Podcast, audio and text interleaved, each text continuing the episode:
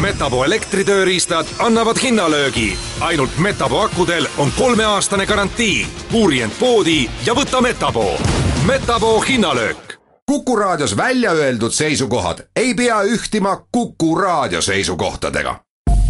Te kuulate Kuku raadiot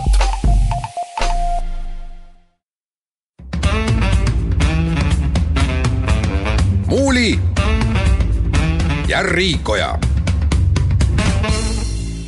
tere päevast, head kuulajad, kell on kuus ja pool minutit üksteist läbi ja et on reedene päev, kell on üksteist läbi, siis on saate Muuli ja Riikoja aeg, ehk stuudios on Kalle Muuli ja Indrek Riikoja. tere päevast! oleme portsu teemasid ka tänaseks ette valmistanud, alustame sellest, kui pikad peaksid olema e-valimised, on tulnud valitsuse poolt initsiatiiv, et e-valimiste perioodi võiks lühendada räägime teiseks ühest valitsusest lekkinud memost, millest tuli välja, et et äh, valitsusliikmete ülempiiri ei kavatseta enam seadusega sätestada.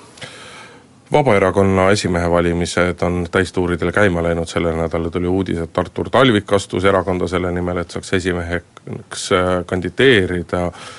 ongi paslik arutada selle üle, et mis suunas siis Vabaerakond liigub, kas kadumise või õitsemise poole. ei mäletagi, kas me oleme sinuga üldse põllumajandusest rääkinud, aga nüüd on selleks põhjust,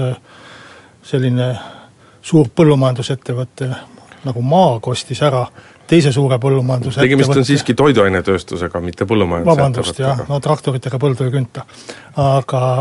ostis ära siis äh, piimatootja Tere äh, võlad pankadele, mitte kõik võlad, aga, aga suur, suurematele Äh, suurematele võla, võlausaldajatele äh, sai siis nagu kergendusosaks, mis väiksematest saab, sellest räägime saates. ettevõtlusringkonnad on väga ärevusse ajanud valitsuse plaan kehtestada nii-öelda panditulumaks, et siis äh, paremini reguleerida seda, et ettevõtted ei viiks läbi oma gruppide tütarettevõtete Eestist kasumit välja. ja viimaseks, kui aega jääb, vaatame, kas oskame midagi arvata sellest kurvast sündmusest, mis leidis lõppeval nädalal aset Lasnamäel, kus üks äh, ühes pagulasperes äh, juhtus kas õnnetus või pandi toime kuritegu, igatahes pereema on raskete põletushaavadega haiglas. muuli ja Riikoja Keskerakond on väga paljudes asjades olnud väga pikalt kahestunud, üks selline teema on olnud e-valimised, endise esimehe Edgar Savisaare-Leer on kogu aeg rääkinud sellest, et e-valimised on saatanast ja tuleb kohe ära kaotada, nii-öelda praeguste juhtide Leer siis on alati olnud märksa pehmem ja öelnud, et nemad küll ei näe, et oleks mingisugune usalduskriis e-valimiste suhtes, nüüd on igal juhul tuldud välja algatusega, et e-valimiste perioodi võiks lühendada, kui ma ei eksi, täna saab seitse päeva kokku e-valimistel iga kodanik osaleda, sellega seoses on tekkinud nagu mitmeid probleeme, et kui ametlikult on valimisagitatsioon keelustatud valimispäeval, siis tegelikult kogu e-valimiste perioodi on võimalus valimisagitatsiooni teha, tõsi, keelatud on välireklaamid, aga need äh, kuu aega ennem valimispäeva mõte, et äh, lühendada, on see siis kolm päeva, neli päeva, viis päeva, noh, sellesse võib ju väga kaheti suhtuda, et äh, siin, kes nimetab seda Twitteri avangardiks, kes selliseks nii-öelda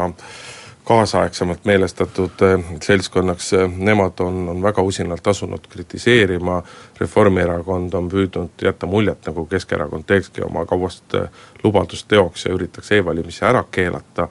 minu arust võiks sellele küsimusele läheneda tegelikult hoopis sedapidi, et võib-olla peaks jätma e-valimise nii-öelda pikkuse rahule, aga võib-olla peaks nii-öelda oluliselt pikendama hoopis ka nii-öelda valimisjaoskonnas käimise võimalust, sest et äh, noh, kindlasti see oleks üks meede, mis aitaks valimisaktiivsust äh, tõsta, viimastel Riigikogu valimistel oli ta üle kuuekümne protsendi, mis ei ole nagu Eesti konteksti arvestades väga paha tulemus, aga noh, ilmselgelt ta võiks olla, valimisaktiivsus võiks olla märksa kõrgem. ega ma tegelikult ei saagi aru, äh, kust see nüüd nii suure uudisena tuli, kui keegi tähele pani, siis tegelikult me kirjutasime selle kõik ilusti koalitsioonilepingusse sisse ja seal on kirjas, et me teeme äh, Eh, e-hääletuse ja paberhääletuse eh, need eelhääletuse ajad võrdseks. no tead, vaata seal koalitsioonileppesse kirjutatakse okay. igasuguseid asju, et ega sellele ei maksagi alati tähelepanu pöörata, ootaks tegusid ikka rohkem. seal kirjutatakse neid asju, mis me kõik ära teeme, aga mida te tahate ja lubate, see tingimata ei tähenda, et tehakse. aga nüüd see sinu pakutud variant, et pikendame parem valimisjaoskondades käimise aega ka siis seitsme päevani, et eks ta oligi kaalumise all, aga seal on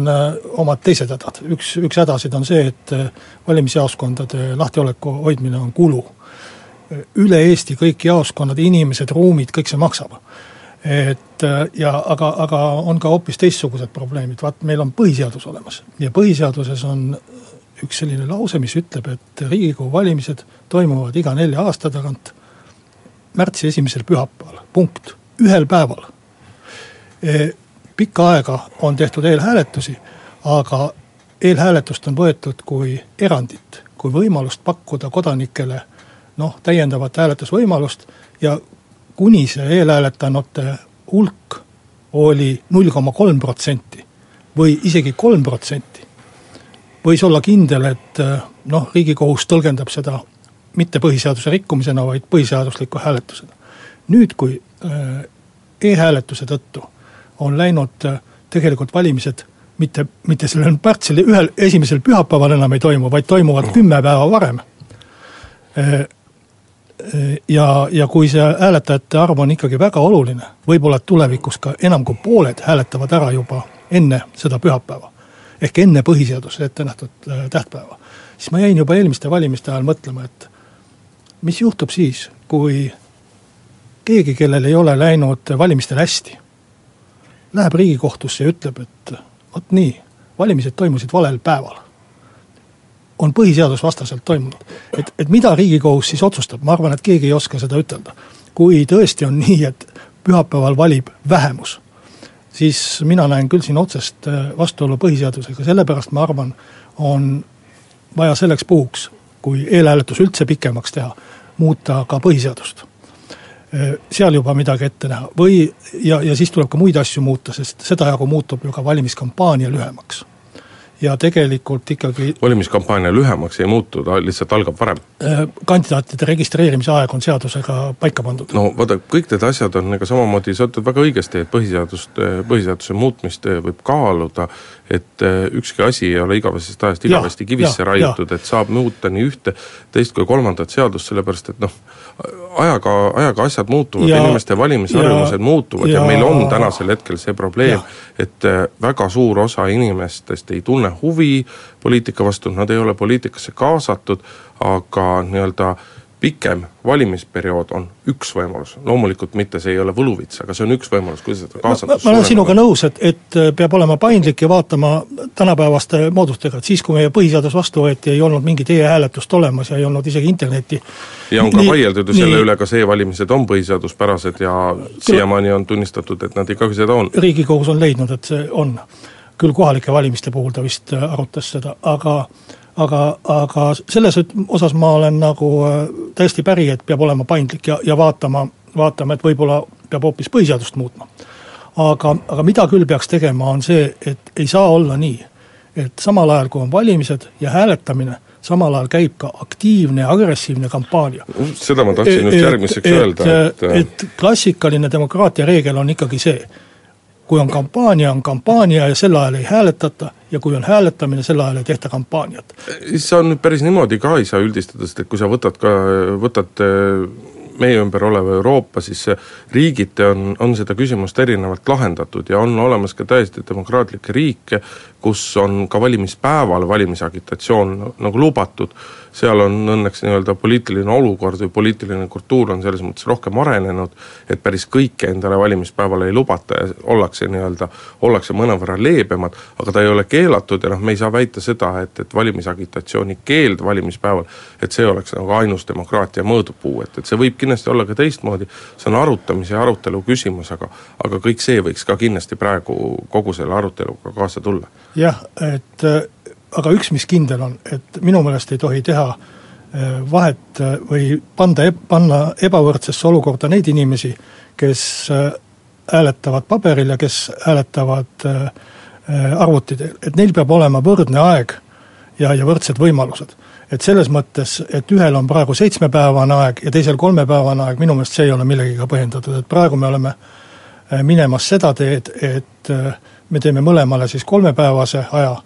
loodame, et selle ajaga saavad inimesed hakkama, ma ei usu, et see kolme päevaga nüüd keegi hakkab järsku poliitika vastu huvi tundma, aga noh, see on piisav aeg, et kui inimesel on mingi aeg või sõit või, või tähtis toimetus, et ta ühel päeval ei saa, et siis saab teisel päeval. kui tundub, et sellest kolmest päevast jääb vähe, siis võib kaaluda ka, ka ma ei tea, neljapäevast või viiepäevast, aga, aga valimisjaoskondade lahtihoidmine on, on selgelt kulu ja, ja ma, ma ei tea, kas on mõtet meie valimiskulusid veel ja veel suurendada. mida võiks ka kindlasti kaaluda, on, on see, et praegu nii-öelda eelkõige logistilistel ja asjaajamis, asjaajamislikel põhjustel on on nii-öelda eelvalimised, siis on seal, kui ma ei eksi, kolm päeva on vahet, ja siis on nii-öelda päris vali, valimispäev ja tõeline demokraatia pidupäev, noh see on tingitud sellest, et kõik häälte, hääled jõutakse üle vaadata, või kõik ümbrikud õigupoolest äh, ei avata ju neid ümbrikke, ei vaadata, mis hääled seal sees on, aga et nad läheksid õigetesse valimisjaoskondadesse ja nii edasi ja nii edasi ja nii edasi, et äh, aeg on, aeg on ikkagi üksjagu nagu edasi läinud, et võib-olla oleks seda logistikat võimalik ka äh, nii-öelda kiiremini korraldada, et selles mõttes saab valimisperiood lühemaks, et et ütleme siis, et eelvalimiste ja valimispäeva vahele võiks jääda näiteks üks päev. et reedel, reedel on viimane päev eelhääletada, laupäevaga organiseeritakse tehniline küsimus, mida peab küsima Vabariigi Valimiskomisjoni käest ja, ja kui Seda nad ütlevad, et institutsiooni vist enam ei ole, et see muudeti nimi ära, aga et... sisu jääb ikka ja. samaks. muuli ja Riikoja Läheme oma saatega edasi, stuudios on jätkuvalt Kalle Muuli ja Hindrek Riiko ja Urmas Reinsalult tuli päris nädala alguses jälle ports ettepanekuid, see on praeguse valitsuse töökultuur, et tulistatakse välja mõtteid, mõtteid ei tulistatud välja, see lekkis välja noh, ütleme nüüd lekkis, lekitati, võta, võta kuidas tahad. no üks iseloomulik joon on neil asjadel ikka, et tullakse välja ettepanekuga ja siis kohe tihtipeale võetakse need ettepanekud peagi tagasi, et see oli vist isegi AK-ga ehk asust-, asutusesisese kasutamisega dokument, memo, mis oli siis mõeldud valitsuskabineti istungile, aga mida aga valitsus, räägin... valitsus veel ei olnud jõudnud arutada, aga avalikkus juba arutab. aga lase, ma räägin sisu ka ära, et eh, üks, mis palju nii-öelda kõneainet tekitas, oli valitsuse liikmete ehk siis ministrite eh, piirarvu vabaks laskmine, samuti oli seal ettepanek, mis puudutas peaministri volituste ja peaministri võimu suurendamist ja ja üks ettepanek, mis on samuti palju sellist kriitilist vastukaja pälvinud, rääkis siis sellest, et inimestel, lihtsatel kodanikel, lihtsatel inimestel võiks tekkida võimalus pöörduda põhisead-, ühe või teise asja põhiseadusega vastavuse kontrollimiseks otse Riigikohtu poole, praegu käib see läbi õiguskantsleri ametkonna, aga jah, noh nagu jutud siis Te vist võtsite, kärpisite ise kohe Reinsalu tiivad maha, ma mõtlen, hääd erakonnakaaslased? ega tal neid tiibu selles mõttes ei olnudki, et lugu oli tegelikult pikem, et et see oli nüüd teine kord, kui äh, valitsus juba püüdis seda asja arutada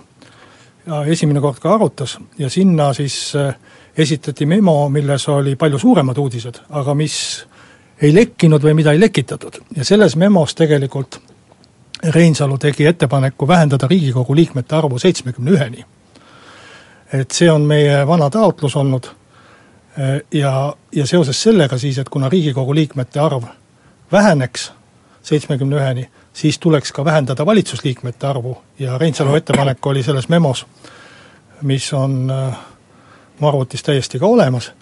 oli, et vähendada äh, Riigikogu liikmete äh, arvu vähenemise tõttu siis ka valitsuse liikmete arvu üheteistkümneni ja panna selline ülempiir viieteistkümne asemel üheteistkümneni. no leidus häid koalitsioonipartnereid, kes äh, seda ettepanekut läbi ei lasknud ja, ja otsustati siis, et see üheteistkümnene ülempiir ei kõlba ja see tuleb ära kaotada. ja ma ei tea nüüd, kas pahatahtlikult, tahtlikult või heatahtlikult või mis, mis asjaoludel, igatahes järgmine memo läks juba nii, et piiri üldse ei olnud et, et mina tahaks kõige selle peale üldse küsida, et, et, et millega nagu Urmas Reinsalu ma, ma olen siin saates kritiseerinud ei no kas sa arvad, et Urmas Reinsalu kir-, kirjutab memosid valitsusele ise või? ei no, no küsimus ei ole selles, kas selle, Urmas selle, selle, selle kallal töötab terve rühm juriste. ei no kuule, küsimus ei ole selles, kas Urmas Reinsalu kirjutab neid memosid ise, tema tuleb ja esitab, see on seesama, mäletad, kuidas Maria Alajõe ütles, et tema ei teadnud EA, tema ei ole süüdi selles, mis EAS otsustas, sellepärast et tema alluvad tegid seda, et kuule, et need on sinu alluvad, et sina no. peadki nende töö eest vastutama, et siin on ka see küsimus, et ma olen kritiseerinud seda, kuidas valitsus tuleb valitsusest või valitsuserakondadest tulevad välja ideed, mõtted ja siis need lastakse nii-öelda, lastakse avalikkuse, ettevõtlusorganisatsioonide, teiste huvigruppide põ-, poolt sõelapõhjaks, aga praegu on nagu olukord, kus ühe erakonna minister tuleb välja ettepanekutega, millest ta, ma järeldan siis, ei ole rääkinud isegi mitte oma erakonnakaaslastega ja tema head erakonnakaaslased jah, lasevad selle, need mõtted kohe nagu põhja, et see no. on, see on sama hea, kui kui tuleb, kui meil Kuku raadios tuleb Timo Tarve pärastlõunas programmi tegema, ta räägib teemad ära ja siis torman mina stuudiosse ja ütlen, et ei, nendest sa, nendest teemadest sa, Timo, ei räägi, räägid hoopis kuulge, see on ju absurd, mis teil toimub? Eh, no tõ-, tõsi on see, Indrek, et äh, Reinsalu ei esitanud seda kuskil, vaid see memo lihtsalt äh, lekitati või näpati ära poole tee peal. et valitsus ei olnud seda veel arutanud, aga, aga tõsi aga need olid aga, selgelt ikkagi Reinsalu poolsed ettepanekud. aga, aga tõsi on ka see, et äh, mina kuulsin seda televiisorist või raadiost või, või internetist kuskilt ja enamik meie erakonna ja fraktsiooni liikmeid ka. et, et see on, see on tõsi ja noh, mis seal ikka, tegelikult on tegemist tormiga veeklaasis, et äh, loomulikult see piir pannakse sinna tagasi, pannakse ta viieteistkümne äh, valitsuse liikme peale ja kõik jääb nagu on. ja tegelikult ma arvan, et kogu, või suur osa sellest äh, memost ja paketist üldse on noh, selline no, noh, ütle. keegi kasutas sõna, sõna asendustegevus, aga ütleme niiviisi, suures osas siiski tühi töö et seal on üksikuid äh, teri selle suure hunniku sees, mis tuleks nagu välja nokkida, aga, aga põhimõtteliselt äh, asi peaks olema nagu riigireformi üks osa, aga on näha, et äh, et väga suurt poliitilist tahet ei ole, et sinna võid esitada ükskõik mis ettepanekuid, et need põrkavad tagasi. et minu meelest, kui ikkagi minna äh, tõsiselt midagi tegema, siis peaks alustama Riigikogu liikmete arvu kärpimisest, sellest samast seitsmekümne ühest, mida on äh, soovitanud väga paljud lugupeetud juristid ja poliitikud ja mida tegelikult ka meie erakond põhimõtteliselt jagab, aga, aga hetkel, vähemalt selle Riigikogu koosseisu juures tundub, et ei ole selleks poliitilist tahet olemas. Ja kui seda ei suuda teha, ei ole olemas neid hääli, mida selle, millega teha seda, siis ma arvan, et ka kõik muud äh, ütleme, valitsuse muutused jäävad äh, selle taha pidama aga miks, miks, miks, miks nii, et miks, miks peab olema see nii-öelda see Riigikogu liikmete arvu kärpimine, et sellel Riigikogu liikmete arvul on ju väga selge ikkagi põhjus, miks ta on tänasel hetkel sada no meie rahvaarv ka on vähenenud ja, ja võib-olla on ka natukene töökoormus vähenenud, et Eesti riiki on juba, taasiseseisvunud Eesti riiki on juba kakskümmend viis aastat olnud ja ja eks me ole ikkagi noh, mingis osas oma riigi ikkagi valmis teinud, et võib-olla ei pea äh, seda mahtu enam nii hullusti olema, kui, kui oli üheksakümnendatel aastatel. muuli ja Riikoja. jätkame saadet, stuudios Indrek Riiko ja Kalle Muuli. Äh, räägime uutest ametitest, Artur Talvik, parteitu seni, äh, astus siis Vabaerakonda, et äh, kandideerida Vabaerakonna esimeheks valimised on aprilli lõpul, hetkel on ta ainus inimene, kes on kindla sõnaga teatanud, et ta kandideerib, aga Monika Haukanõmm on ütelnud, et ta äh, ta, ta kaalub, kas ta kandideerib või ja, mitte ja Jevge-, Jevgeni Kristofovitš, jaa, õige küll. kandideerib. eksitasin kuulajaid, on, on tõesti lubanud, et tema ka kandideerib. mitte, et tal nüüd väga, väga palju lootust oleks. see lootus sureb viimasena. seda, seda absoluutselt. no ma, ma, ma, ma tahaks selle kohta öelda seda, et noh, minu arust on äh,, Vabaerakond on, on, on ilmselgelt nii-öelda väga oluliste valikute ees. et äh, kui see erakond jätkab äh, samasugusena, nagu ta praegu on, siis äh, noh, ja, ja, ja ma julgeksin seda iseloomustada kui sellist nii-öelda näotust äh,, näot-, näotu erakonnana, et tal ei ole oma selget äh, nägu, tal ei ole oma selgeid seisukohti, et mille poolest on Vabaerakond parem kui IRL, EKRE või ma ei tea, kes kolmas neljas, ehk seal tuleb väga selgelt endale selles erakonnas aru anda, et kui me tahame olla edukas erakond, edukas erakond selles mõttes, et me, meie positsioon oleks märksa parem kui selline valimiskünnise juures nagu pendeldamine, siis on vaja väga jõulist esimeest, kellel oleks ühest küljest väga selged poliitilised vaated, kellel oleks äh, kui mitte poliitilist kogemust, siis vähemalt eh, nii-öelda mingisugust juhtimiskogemust, suuremate organisatsioonide juhtimiskogemust ja kõike sel-, sellist, sest et vastasel juhul elu on meil näidanud, et ainult üllate aadete ja ideedega, mille sisu ei ole päris täpselt selge, ei ole võimalik Eesti poliitilisel maastikul midagi ära teha, sellega sai veena valijaid piisavas koguses, et, et, tõesti olla edukas poliitiline jõud ja kui vaadata nüüd Artur Talviku otsa, kes on ju väga tore mees, kes on ju kahtlemata väga asjalik mees, väga paljudes kohtades ajab äh, päris õiget asja, aga ilmselgelt tal, tal on ilu, ilus punane müts on tal ka. et ilmselgelt on ta kõike muud kui äh, asjalik äh, ja kogenud poliitik, kui kuulete seda, mida, eks sina oskad seda täpsemalt öelda, sina nii-öelda igapäevases töös ka puutud Artur Talvikuga kokku, mina saan usaldada eelkõige seda, mida istume Art..., istume ühes komisjonis, korruptsioonivastase no, võitluse komisjonis. mida erinevad Artur Talviku kolleegid räägivad sellest, kuidas ta Toompeal toimetab, kuidas ta ennast üleval peab, kuidas ta juhib mingisuguseid istungeid, koosolemisi ja nii edasi, et siis ilmselgelt sealt nii-öelda tugeva kapatsiteediga poliitikut ei paista ja kui Vabaerakond Artur Talvik endale etteotsa valib, siis järgmistel valimistel, napp kaks aastat on nendeni jäänud, siis kas Keskerakond, vabandust, siis Vabaerakond kas kukub üleüldse allapoole valimiskünnist ja ei jõua rohkem enam parlamenti, või siis ta jääb sinna kuhugile viie protsendi juurde pidama, ehk tegemist on poliitilise jõuga, mille ma ütleks, et peamine eesmärk on anda kuuele-seitsmele, võib-olla kaheksale inimesele tööd Riigikogu liikmena, aga mingisugust poliitilist äh, jõudu, mingit poliitilist kaalu sellel erakonnal olema ei hakka. no Vabaerakonna selline äh, valimishoiak oli ju see, et me oleme erakondade vastu. no ta oli protestipartei. ja, ja, ja samal ajal olid nad ikkagi erakonnad ja eks nad ole püüdnudki seda liini jätkata, et me oleme erakond, kes ei ole erakond. et ehk me oleme liha ega kala ja sellest kõik need hädad alguse saavad, et äh, ühest küljest tahetakse justkui, kui, kui mitte olla erakond ja erakondadele vastanduda, samal ajal ei leita ka mingit muud vormi poliitikas olemiseks, kui ikka seesama erakond. ja tegelikult noh, lõppude lõpuks on see ikkagi ju valija petmine või valija lollitamine, et äh, tegemist on täiesti tavalise erakonnaga, kes äh, üritab kuidagi mingeid asju näidata teistmoodi. noh, näitame, et me ei lähe kohalikele valimistele erakonnana, meie liikmed kandideerivad äh, valimisliitudes. et mis sellest nüüd siis nüüd Eestile parem saab või, või kuidas siis Eesti asja sel kombel nagu paremini aetakse, väga, väga kahtlane, samamoodi kõik, kõik need Riigikogus olemised. Arto Talvik ju ise lubas kaks aastat tagasi, et tema erakonda ei astu no nüüd on ta sunnitud ikkagi seda tegema, no sunnitud on palju öeldud, keegi ei sunni teda, aga nüüd ta astub vabatahtlikult, nagu ta ise rõhutas astub siis äh, erakonda ja asub veel mitte ainult erakonda ei astu, vaid asub ka erakonna esimeheks. et äh, tegelikult läheb kõik äh, vastu, tulen direktoriks. Vas-, vastu, vastupidi nendele lubadustele, et minu meelest on Vabaerakonnas terve hulk väga sümpaatseid inimesi ja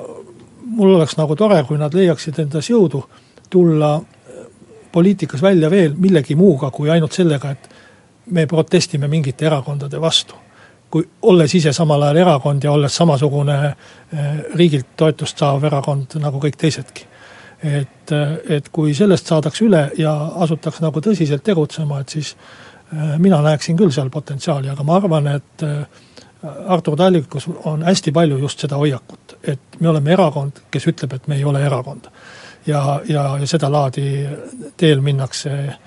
eh, edasi ja, ja ma arvan, et, et lõpuks nad ei saa ise ka enam aru, kes nad siis on ja, ja eks siis vali, valija mõistatab. me võime kiruda erakondi, me võime kiruda seda, kuidas poliitikat tehakse erakonna, erinevate erakonnaliikmete seisukohti ja nii edasi, aga see väga selgelt ikkagi poliitika ja erakonna tegemine, et see, see ei saa olla selline ühe sõpruskonna, ühe sõpruskonna toimetamine, peab olema ikkagi väga selgete eesmärkide ja väga selgete põhimõtete ja kõige, kõigi selliste asjadega selle jaoks, et valija teda usaldaks. aga Vabaerakonna probleem jätkuvalt pärast äh, kahte aastat Riigikogus on see, et nägu sellel erakonnal ei ole ja otsusega, et meie erakonnana ei lähe kohalikele omavalitsuste valimistele, ainult lahustab seda nägu. Äh, ja, ja see on nende häda ja õnnetuse, et äh, antud valikust, kui me räägime noh, nendest kolmest, näiteks Talvik äh,, Haukanõmm ja Kristofovitš, siis Haukanõmm on nendest ainus, kes tegelikult saab ju päris täpselt aru, mida tähendab ühe organisatsiooni üles, ülesehitamine, elus hoidmine, töös hoidmine ja nii edasi, et äh, lisaks Monika Haukanõmm vähemasti avalike esinemiste põhjal, ma teda isiklikult ei tunne, tundub ikkagi suhteliselt äh, või väga asjaliku, väga asjaliku ja targa inimesena, et ma arvan, et erakonnale tervikuna tegelikult kasu oleks esimehena pigem Haukanõmmest kui Talvikust Muuli ja Riikoja. selle nädala tuli siis uudis, et Eesti saab endale uue kõige suurema piimatööstuse, sellepärast et pikalt äh, väga raskes majandusseisus vaev, vaevelnud äh, Tere, õigupoolest Tere suurimad võlad ehk võlad pankades leidsid endale uue omaniku, seda nii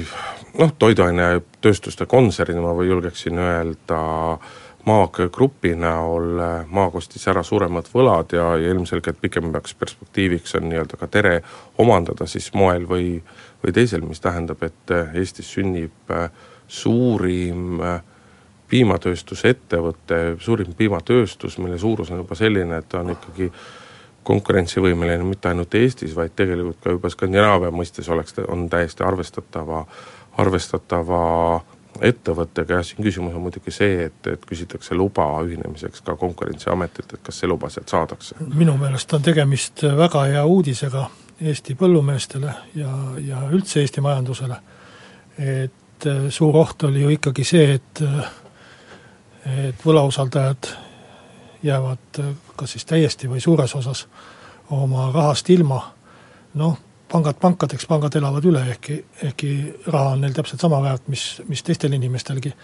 aga, aga seal on ju ka, ma ei tea nüüd arvuliselt, ei vaadanud seda numbrit järgi, aga palju seal neid tootjaid on ja nende jaoks on ikkagi see võlg, no kas nüüd elu ja surma küsimus, aga ikkagi väga suur ja tähtis asi saada see raha sealt kätte. et äh, maagi ei ole küll nende võlgasid ära ostnud või, või, või seda teinud, aga ma ei kujuta ka ette, et kuidas ta saab eh, Eestis eh, teistmoodi jätkata eh, piimatööstusega ja üldse eluoluga, kui ta näiteks jätaks need väiketootjad ilma rahata. et, et või, või, või teeks neile kuidagi liiga. ma ei tea, kas see juriidiliselt üldse võimalik on, aga, aga, aga ütleme isegi, kui juriidiliselt oleks võimalik, siis ma ei usu, et üks ettevõte, kes moodustab turust nii suure osa ja on ikkagi väga korraliku mainega, et saaks üldse niiviisi käituda, sest ta peab ju nendesamade tootjatega või põhimõtteliselt nendesamade tootjatega või asju edasi ajama. nii et, nii et ma arvan, et ka väiketootjatel läheb öö, lõppude lõpuks äh, hästi, nad saavad oma raha mingis osas või, või täies, täies osas tagasi ja, ja on kõigil hea meel. no maag, maag seni piimavallas on, on üldse tuntud olnud ikkagi sellepärast, et ta on nii-öelda väga korrektne just oma, oma, oma varustajatega, et omal ajal, kui maag ainult lihatööstusega äh, lihatööstustega tegeles, et siis oli nii-öelda põllumajandusringkondades pisut nurinat kuulda, piimandusringkondades seda ei ole. me ei tea ju päris täpselt seda, mis hinnaga ostis, ostis Maak tänasel hetkel pankadelt Tere võlad ära. on üpris vähe tõenäoline, et nii-öelda täies ulatuses, täie hinnaga need osteti ja ja ma arvan, et pigem kogu selle saneerimisprotsessi raames siiski on, on, on üsna reaalne, et ikkagi päris kogu võlga ei saa ka piimatootjad kätte, aga aga kui sellest suurem osagi saadakse, noh, need ei ole ühti midagi nii väikesed piimatootjad, et seal on ikkagi päris suur, päris suured piimatootjad Ka, kahe lehmapidajaid ma silmas ei pidanud. mida, mida juhivad ärimehed ja eks need ärimehed saavad ise ka väga hästi aru, et et, et antud olukorras on, on pigem targem leppida näiteks viiekümne, kuuekümne või seitsmekümne protsendiga rahast, kui et sellest päris ilma jääda, aga aga no tahaks küll loota Eesti põllumajanduse, Eesti põllumajanduse pärast ja, ja ka maagi tuleviku pärast, et et seal leitakse selline kompromiss, millega mõlemad pooled enam-vähem rahul on. muuli ja Riikoja ettevõtlusringkonnad läksid äh, sellel nädalal kohe eriti kihama valitsuse järjekordsest ideest ja algatusest, mille ei oskagi öelda, mis see nagu õigne, õige nimi on, on seda nimetatud küll avansiliseks tulumaksuks, küll on nimetatud seda panditulumaksuks, aga asja sisu on siis see, et kui eelmiste Riigikogu valimiste eelgi väga palju räägiti sellest, kuidas eelkõige väli, välismaise omanikuga ettevõtted äh, viivad Eestist oma kasumit äh, erineval moel välja, ilma et nad sellest pealt äh, Eestisse makse maksaksid siis nüüd on leitud justkui lahendus, lahendus selline, et teatud tingimustel, kui kontserni sees laenatakse raha oma tütarettevõtetele, mingil kombel seda raha Eestist välja viiakse, et siis äh, justkui nagu kehtestatakse neile ettevõtetele panditulumaks, nad peavad selle, nende summade pealt maksma kakskümmend protsenti tulumaksu mida siis mingil hetkel on tõenäoliselt võimalik ka tagasi saada, kui sa tõepoolest suudad tõestada, et see oli laen, mida ka tagasi makstakse ja nii edasi, nii edasi, nii edasi. no maksad tagasi, siis saadki tagasi, et no. aga, aga häda on muidugi selles, et et äh, ei ole võimalik äh, teha sellist seadust, et äh,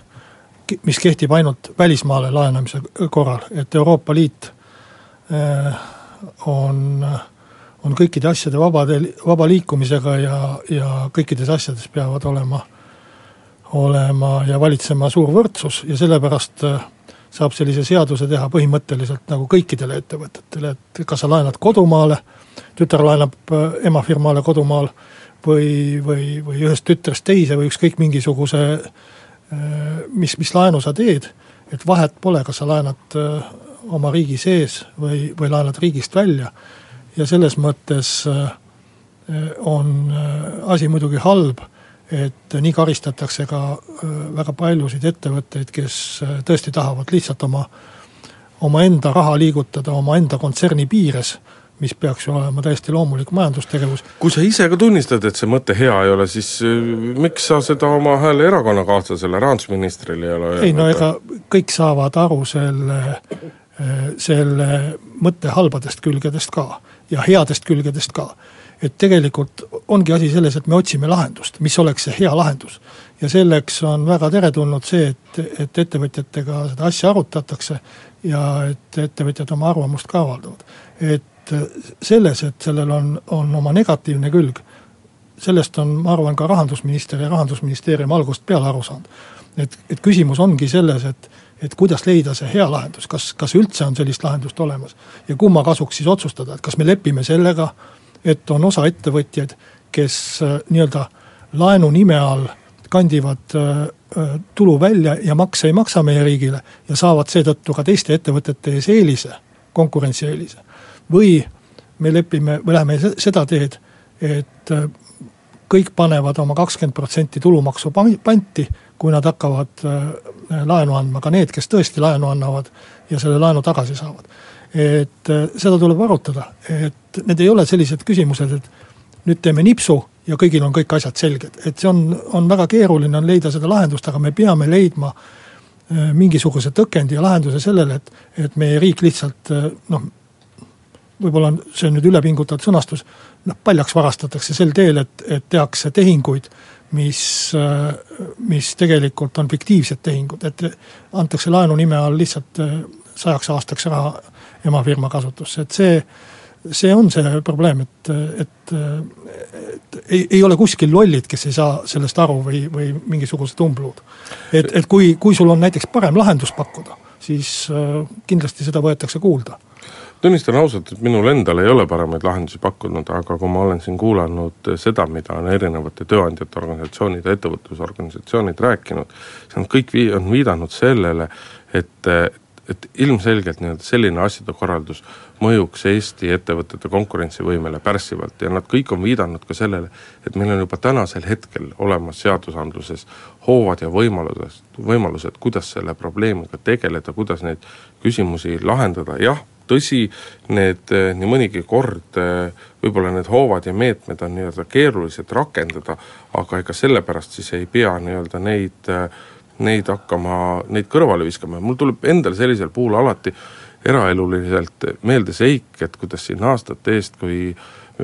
mina oma kodumaja olen pikalt kütnud õliküttega ja, ja kuidas järjest ja järjest erimärgistatud kütteõli aktsiisi tõsteti ja seda kogu aeg põhjendati sellega, et pettusi on nii palju, pettusi on nii palju, me peame nendega tegelema, me peame nendega tegelema. mille peale ma alati tahtsin öelda, et aga tegelege siis, olge hea nende patustajatega, miks te mind muide vist on tegeletudki ja, ja on, ongi, ongi nagu kätte saadud. no lõpu, lõpuks on, just nimelt, lõpuks on tegeletud ja on, et miks te mind, ausat nii-öelda maksumaksjat antud kontekstis, miks te mind peate nagu pookima ja karistama olukorras, eks ole, kus, kus mõni teisel kütteliigil, eks ole, pikalt ei olnud käibemaksu ja nii edasi, nii edasi, nii edasi. et siin tundub natuke olevat jälle seesama olukord, et aga paneks kõigepealt võib-olla olemasolevad süsteemid kor-, korralikult tööle ja kui need siis tõepoolest ei tööta, lähme siis edasi. seal on probleem see, et tõendada on väga raske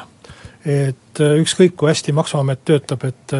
ta lihtsalt ei suuda äh, igal ju-, või noh, kõiki juhte ära toetada, on paar korda õnnestunud ja, ja vist minu meelest ka kohtust läbi käinud, aga, aga väga sageli jääb lihtsalt tõendite puudumise taha. muuli ja Riikoja siia saate lõppu katsume ruttu ära markeerida ühe noh, tegelikult oma sisult ikkagi väga kurva uudise nädala keskpaigast, kus Lasnamäe ühes korteris seni teadmata põhjustel läks põlema üheksateistaastane Süüria pagulasest äh, naisterahvas ja eks äh, muidugi see nii-öelda käivitav mootor, miks äh, avalikkusele,